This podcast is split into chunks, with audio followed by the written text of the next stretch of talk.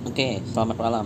Hari ini saya bakal lanjut podcast. Mungkin hari ini podcastnya agak panjang karena hari ini saya mencoba menyelesaikan materi tentang konflik syarikat Islam sampai nanti ke eh, pemberontakan atau perlawanan komunis tahun 26 dan tahun 27. Jadi saya harap teman-teman dengerin karena ketika kita bicara lanjutan dari konflik di dalam SI serta pengaruh ISTV dalam SI ini bakal panjang lah yang mesti dijelasin.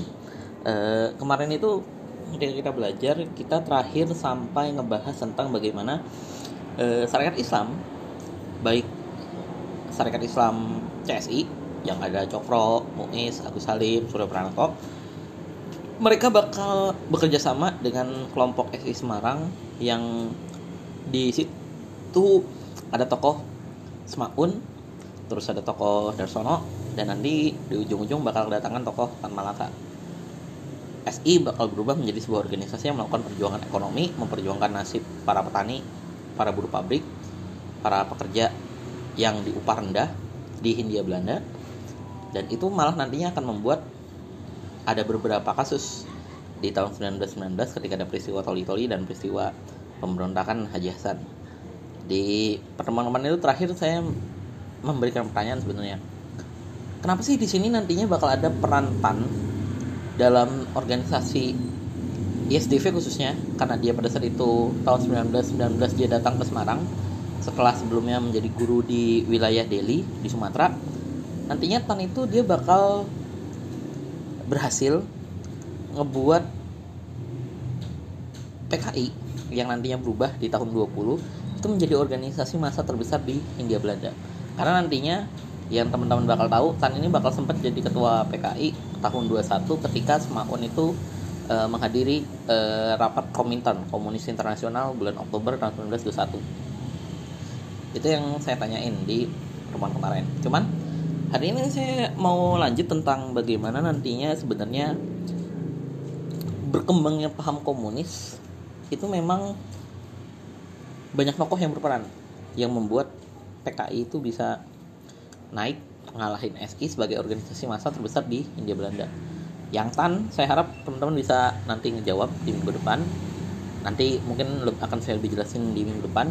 Mungkin di sini saya akan ngebahas tentang beberapa tokoh dan konflik di dalam SI. Tapi pertama saya mau ngebahas dulu bahwa nantinya keberhasilan PKI menjadi sebuah organisasi massa terbesar di Hindia Belanda itu nggak bisa dilepaskan dari satu tokoh namanya Haji Misbah. Haji Misbah itu di tahun 1919 1918 1919 1918 1919 Misbah itu nanti dia bakal berkiprah di Insulin cabang Surakarta. Dia jadi sekretaris kalau nggak salah. Eh, wakil ketua, maaf. Wakil ketua dari Insulin cabang Surakarta yang di dalamnya itu ada dokter Cipto Cipto kita tahu dia udah jadi anggota Volkswagen dia nggak akan banyak berkecimpung di insulin D Surakarta tapi nantinya Haji Misbah bakal banyak berkecimpung di insulin D Surakarta. Insulin D Surakarta ini sebenarnya adalah kepanjangan adalah salah satu cabang dari organisasi Insulin D yang mungkin teman-teman masih ingat bahwa ini adalah organisasinya masyarakat Indo. Tapi nantinya di kota Surakarta, Insulin D ini bakal berkembang menjadi sebuah organisasi massa yang menyasar ke golongan petani. Dan ini nggak lepas dari peran Haji Misbah. Haji Misbah itu mirip kayak Haji Sawanudi pedagang batik pedagang batik dari daerah perkotaan. Dia berguru dalam hal menulis kepada Mas Marco. Pendidikannya nggak terlalu tinggi sama kayak Semaun tapi yang membuat beda di sini adalah Haji Misbah ini adalah orang yang apa ya kalau bisa dibilang ya belak belakan lah dalam berpendapat. Nantinya Haji Misbah meskipun dia berasal dari kalangan pedagang, dia merasa bahwa masyarakat Islam di Surakarta itu tertindas.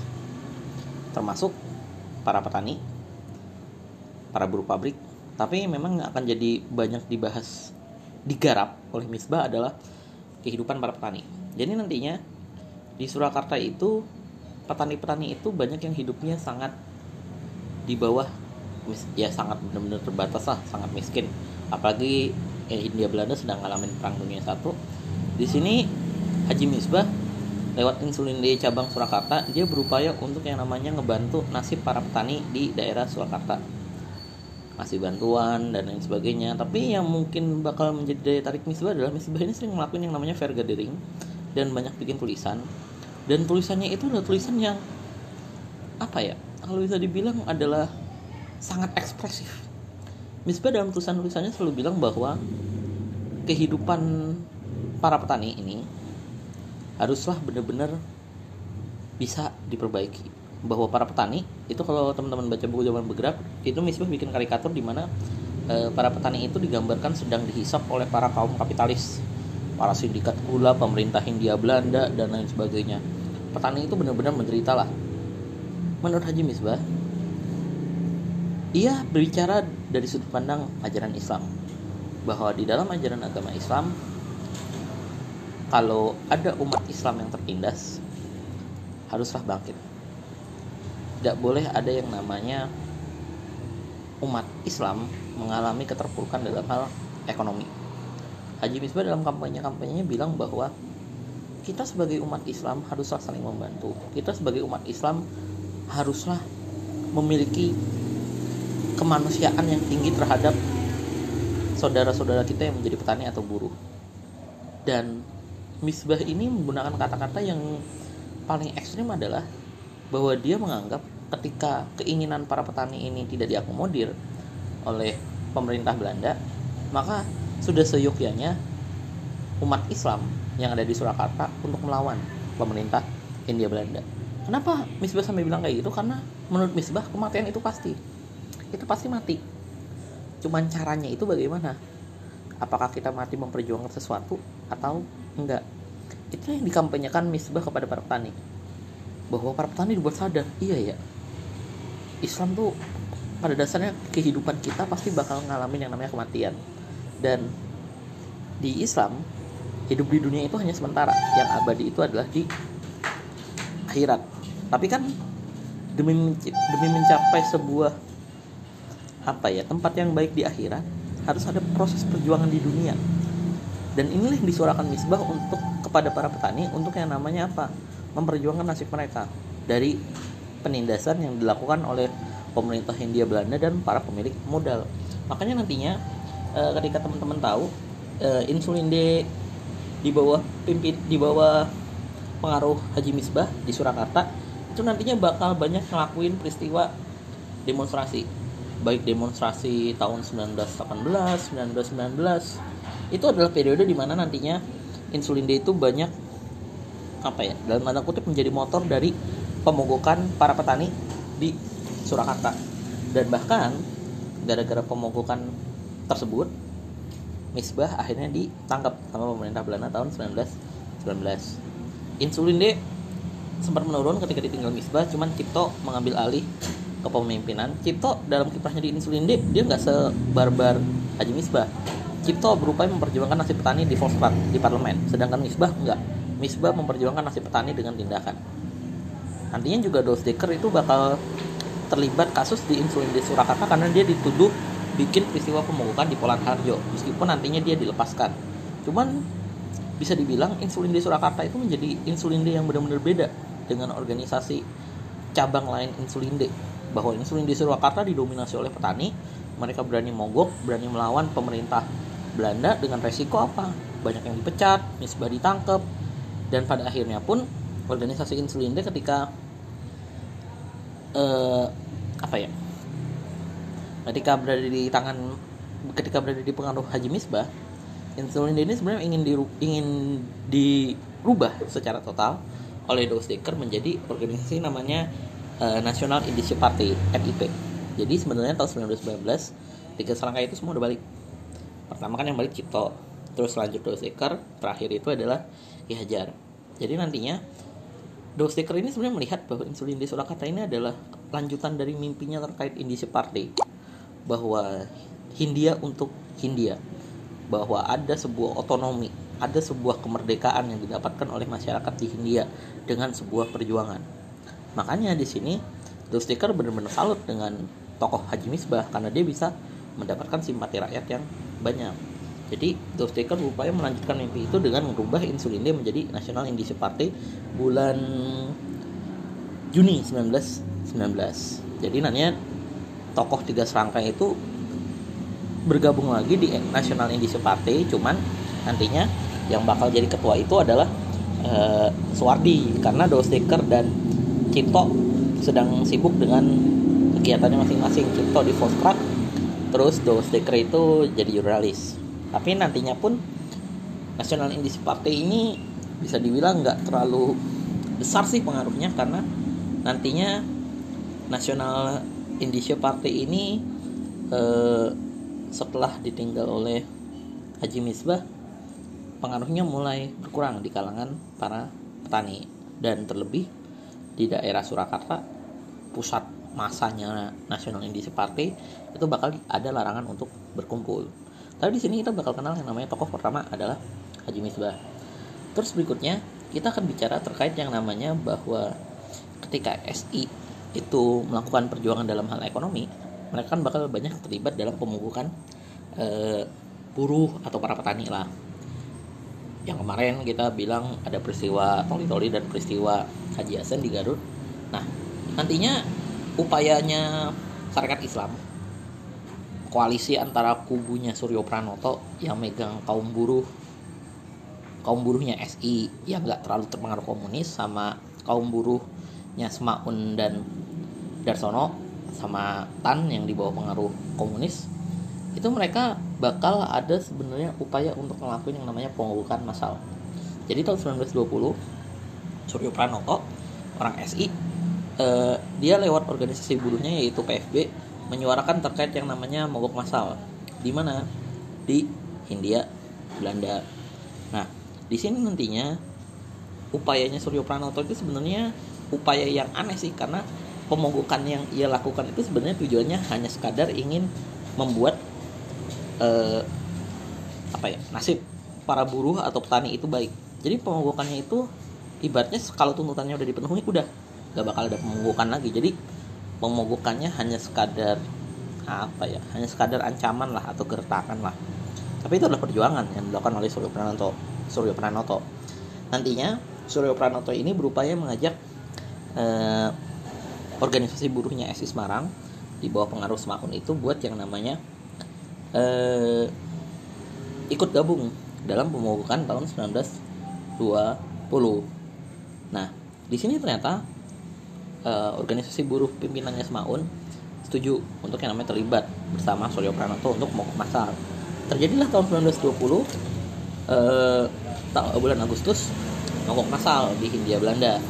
Baik dari kubunya Suryo sama kubunya Semaun. Organisasi-organisasi buruhnya pokoknya bergeraklah untuk mogok. Tapi ternyata pemerintah Hindia Belanda ini melihat bahwa aksi mogok yang lagi marak-marak yang terjadi nih di Hindia Belanda tahun 1920 itu bisa aja hanya sekadar sebuah kepentingan politik kepentingan organisasi-organisasi tersebut untuk yang namanya mencari masa makanya di sini nantinya eh, pihak pemerintah itu bilang bahwa nantinya kalau misalkan ketahuan dalam pemukukan ini terlibat yang namanya pengaruh SI khususnya baik itu CSI ataupun SI Semarang para buruh ini bakal ditindak entah ditangkap entah dipenjara entah dipecat gara-gara ini ternyata eh, Suryo Pranoto yang merupakan orang Paku Alaman punya kedekatan dengan pemerintah Belanda tahu bahwa pemerintah Belanda sekarang kalau dalam hal menghadapi pemogokan bakal bertindak keras. Makanya nantinya Suryo Pranoto bulan Agustus mulai beberapa minggu kemudian dia minta para buruh yang mogok itu untuk kembali kerja. Nah, di sinilah sebenarnya e, bisa dibilang tidak adanya kesatuan perjuangan dalam hal nasib kaum buruh yang dilakukan oleh e, Sarekat Islam. SI gerakan buruh yang dipimpin oleh Suryo Pranoto terkesan lebih labil beda dengan gerakan buruh yang di bawah pimpinan Semaun. Tapi yang harus dilihat di sini juga adalah sikapnya pemerintah Belanda bahwa kini pemerintah Belanda lebih berani untuk menindak para uh, pemogokan-pemogokan pemogokan-pemogokan baik pemogokan buruh ataupun petani. Dan pada akhirnya ya peristiwa pemogokan tahun 20 itu gagal. Dan lewat peristiwa pemogokan tahun 20 inilah nantinya konflik di dalam SI bakal pecah. Karena apa?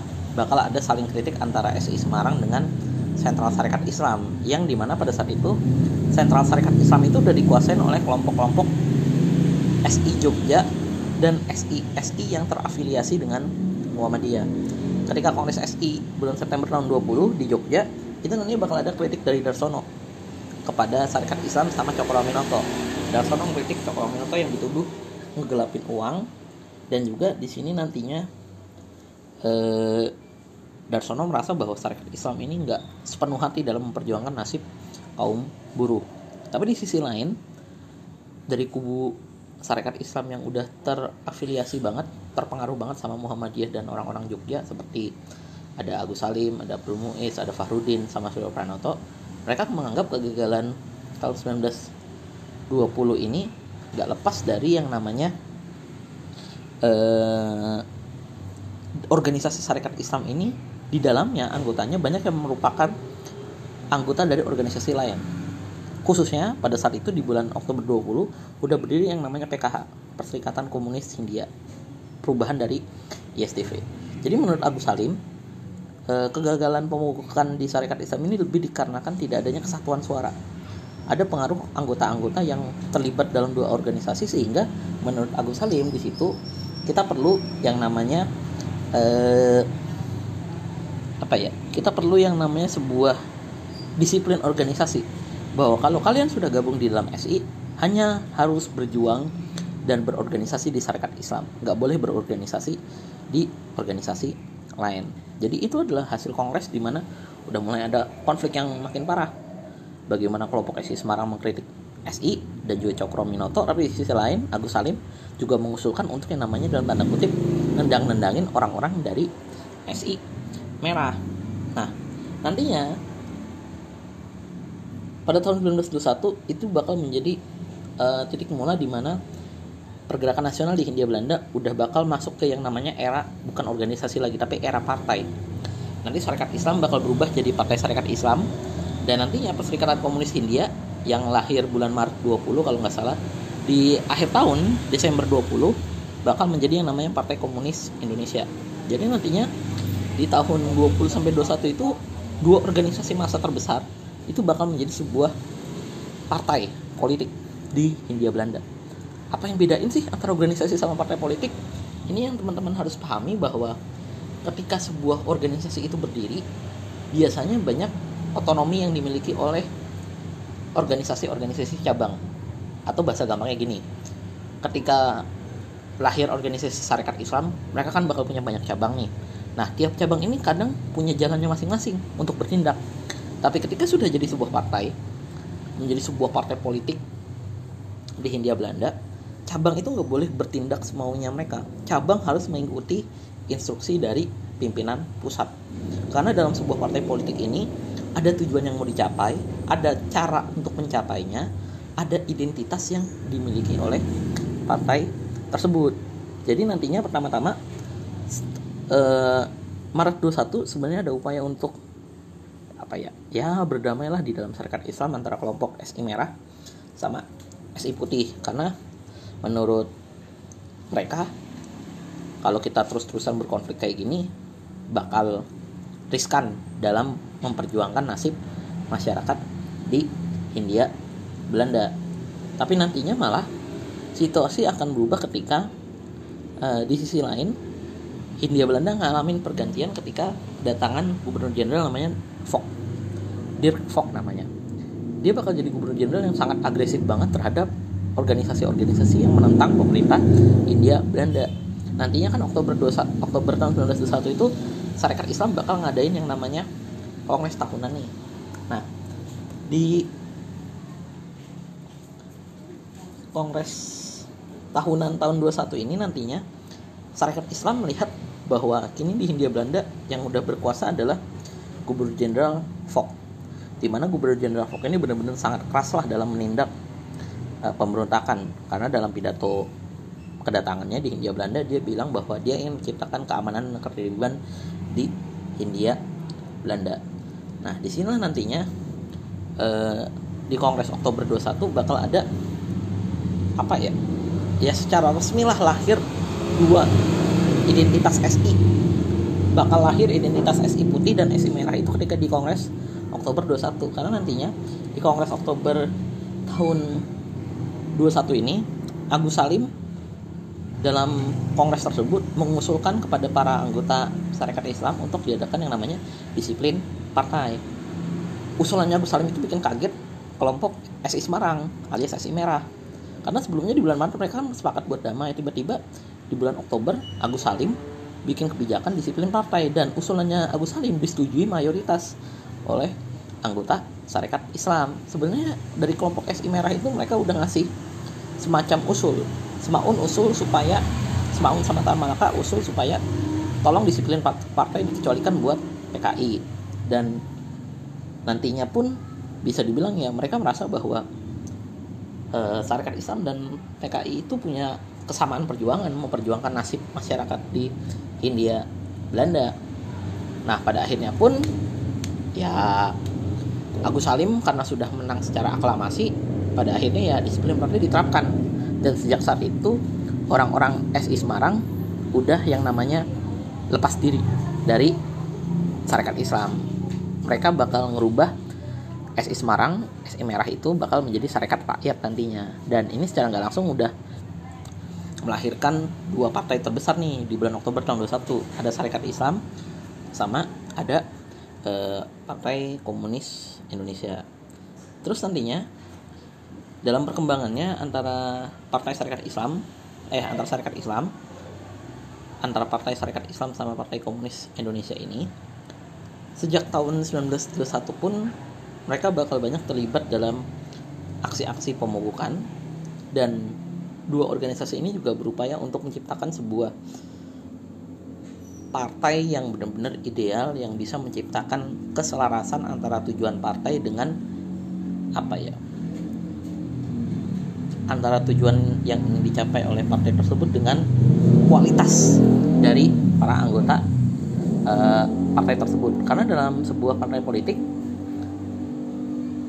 masa banyak itu mudah. Mencari masa banyak itu mudah. Tetapi membuat masa yang banyak itu selaras dengan tujuan partai itu yang sulit.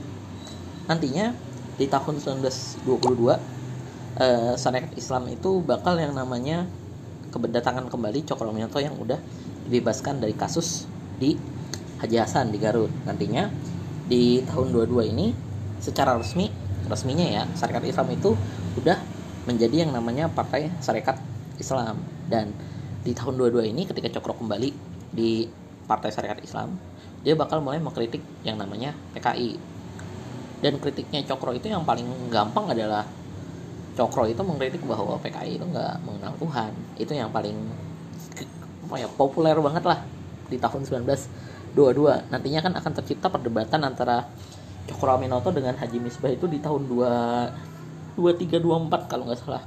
Cokro bikin tulisan Islam dan sosialisme Misbah bikin tulisan Islam dan komunisme. Terus ketika SI resmi jadi Partai, Partai Serikat Islam di tahun 22 di sisi lain di tahun 22 Partai Komunis Indonesia ini kembali berupaya untuk memperluas keanggotaannya. Dengan cara apa? Pemogokan nantinya eh, PKI ini bakal ngadain yang namanya pemogokan eh, pegawai pegadaian. Dan pemogokan ini sebetulnya eh, apa ya mereka itu kerjasama dengan organisasi buruh di bawah pengaruhnya syarikat Partai Syarikat Islam di tahun 22 bahwa nantinya tahun 22 sempat kerjasama lagi setelah sebelumnya kerjasama di tahun 20 tahun 22 PKI sama PSI bekerja sama cuman gagal lagi dan di sini parahnya adalah nantinya di tahun 22 Tan Malaka ketua PKI itu bakal dibuang ke Eropa. Bakal dibuang ke Eropa karena pada saat itu tahun 22 Tan Malaka udah jadi ketua sedangkan Semaun pada saat itu sedang menghadiri Kongres Komunis Internasional. Nah nantinya tahun 23 ini bakal menjadi tahun permulaan di mana PKI bakal mulai memperbesar pengaruhnya. Karena nantinya mulai dari tahun 23 bakal ada perubahan dalam hal organisasi PKI nantinya mereka bakal kedatangan tokoh Haji Misbah yang udah bebas dari kasus ketika dia terlibat di insulin D Surakarta dan di sini PKI ini dalam upaya memperluas organisasinya bakal ngebuat cabang-cabang SI merah SI yang terpengaruh komunis ini menjadi yang namanya Sarekat Rakyat di tahun berapa? Di tahun 23. Nah, nantinya pun di sini dari tahun 23 sampai tahun 24 bisa dibilang Misbah ini bakal menjadi primadonanya PKI bahwa dia bakal berkampanye di berbagai daerah di daerah Jogja dan Solo.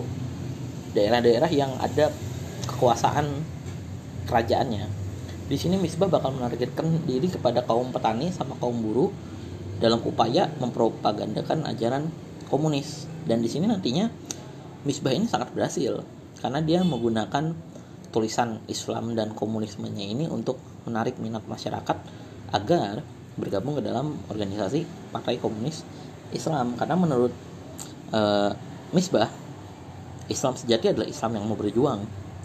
Ketika kalian masuk ke dalam Partai Komunis Indonesia berarti kalian akan berupaya memperjuangkan nasib dari yang namanya sebuah penindasan. Dan nantinya di sini pun eh, Misbah ini sangat berhasil karena dia berhasil menggait kelompok masyarakat Islam yang cenderung masih eh, belum masih tradisional. Belum modernis belum reformis yang terpengaruh Muhammadiyah. Jadi nanti Misbah benar-benar berhasil menggait kelompok masyarakat Islam tradisional yang memang benar-benar masih apa ya belum kena pengaruh Muhammadiyah.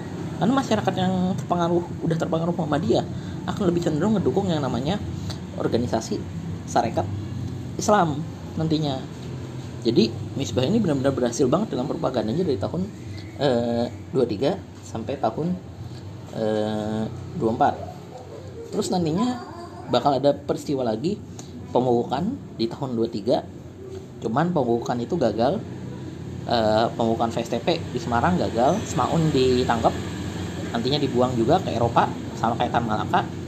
Misbah nantinya bakal memperjuang melanjutkan pers, e, pemogokan kaum buruh dan kaum petani tapi dengan cara yang lebih apa ya anar anarkis nantinya Misbah lewat bawahan-bawahan organisasi-organisasi buruh atau petani tersebut dia bakal bikin teror di Hindia Belanda.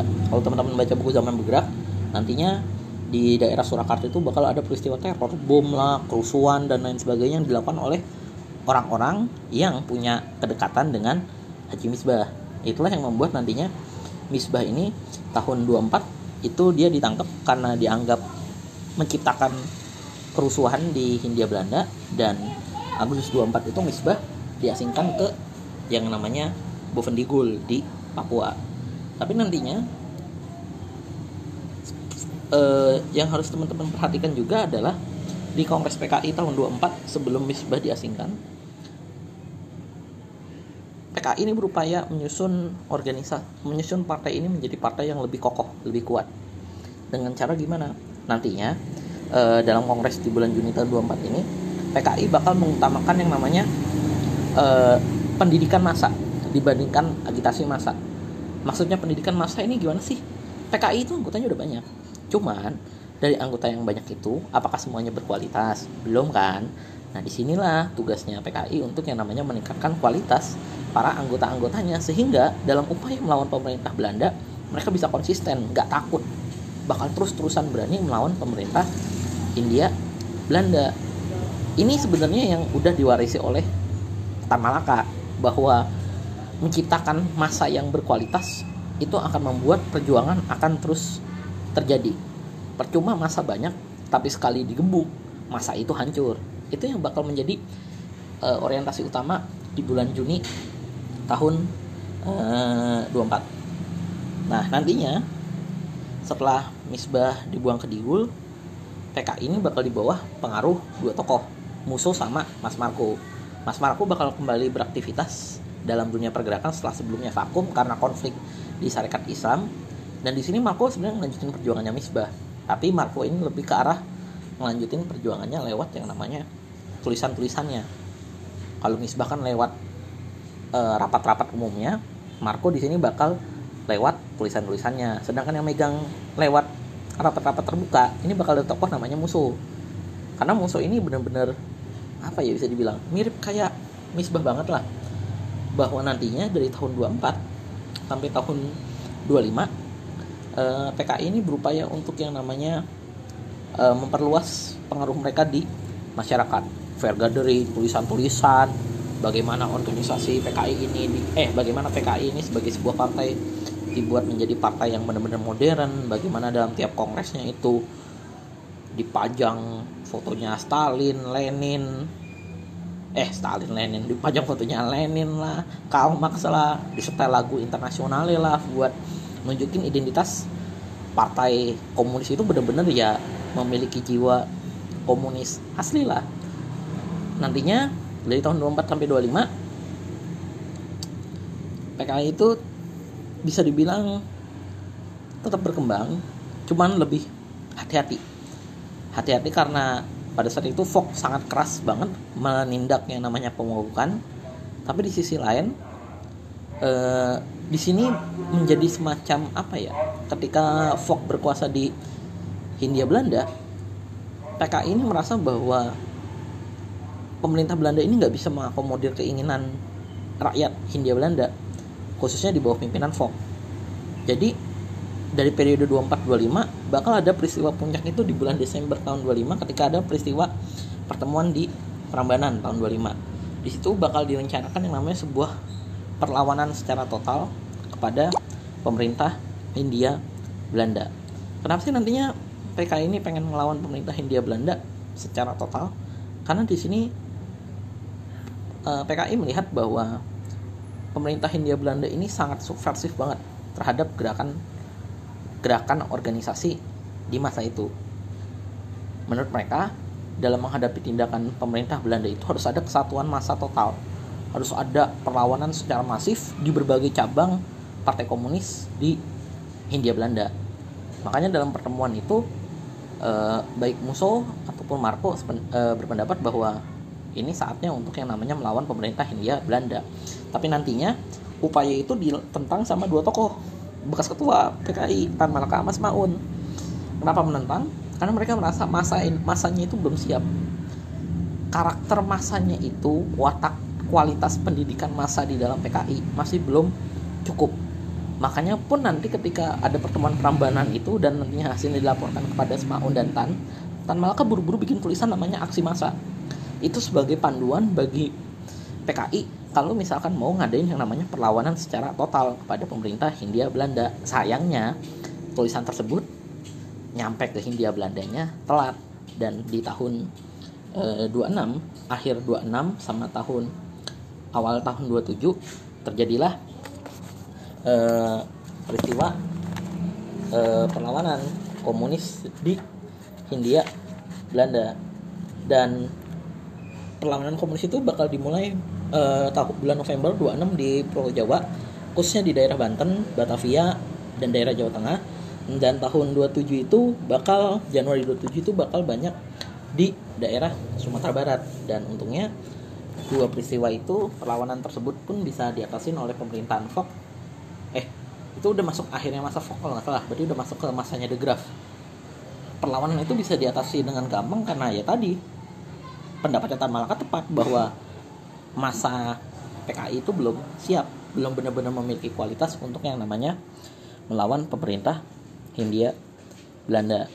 Makanya nantinya ya 2627 itu adalah perlawanan terakhir dan menjadi akhir dari politik asosiasinya Belanda.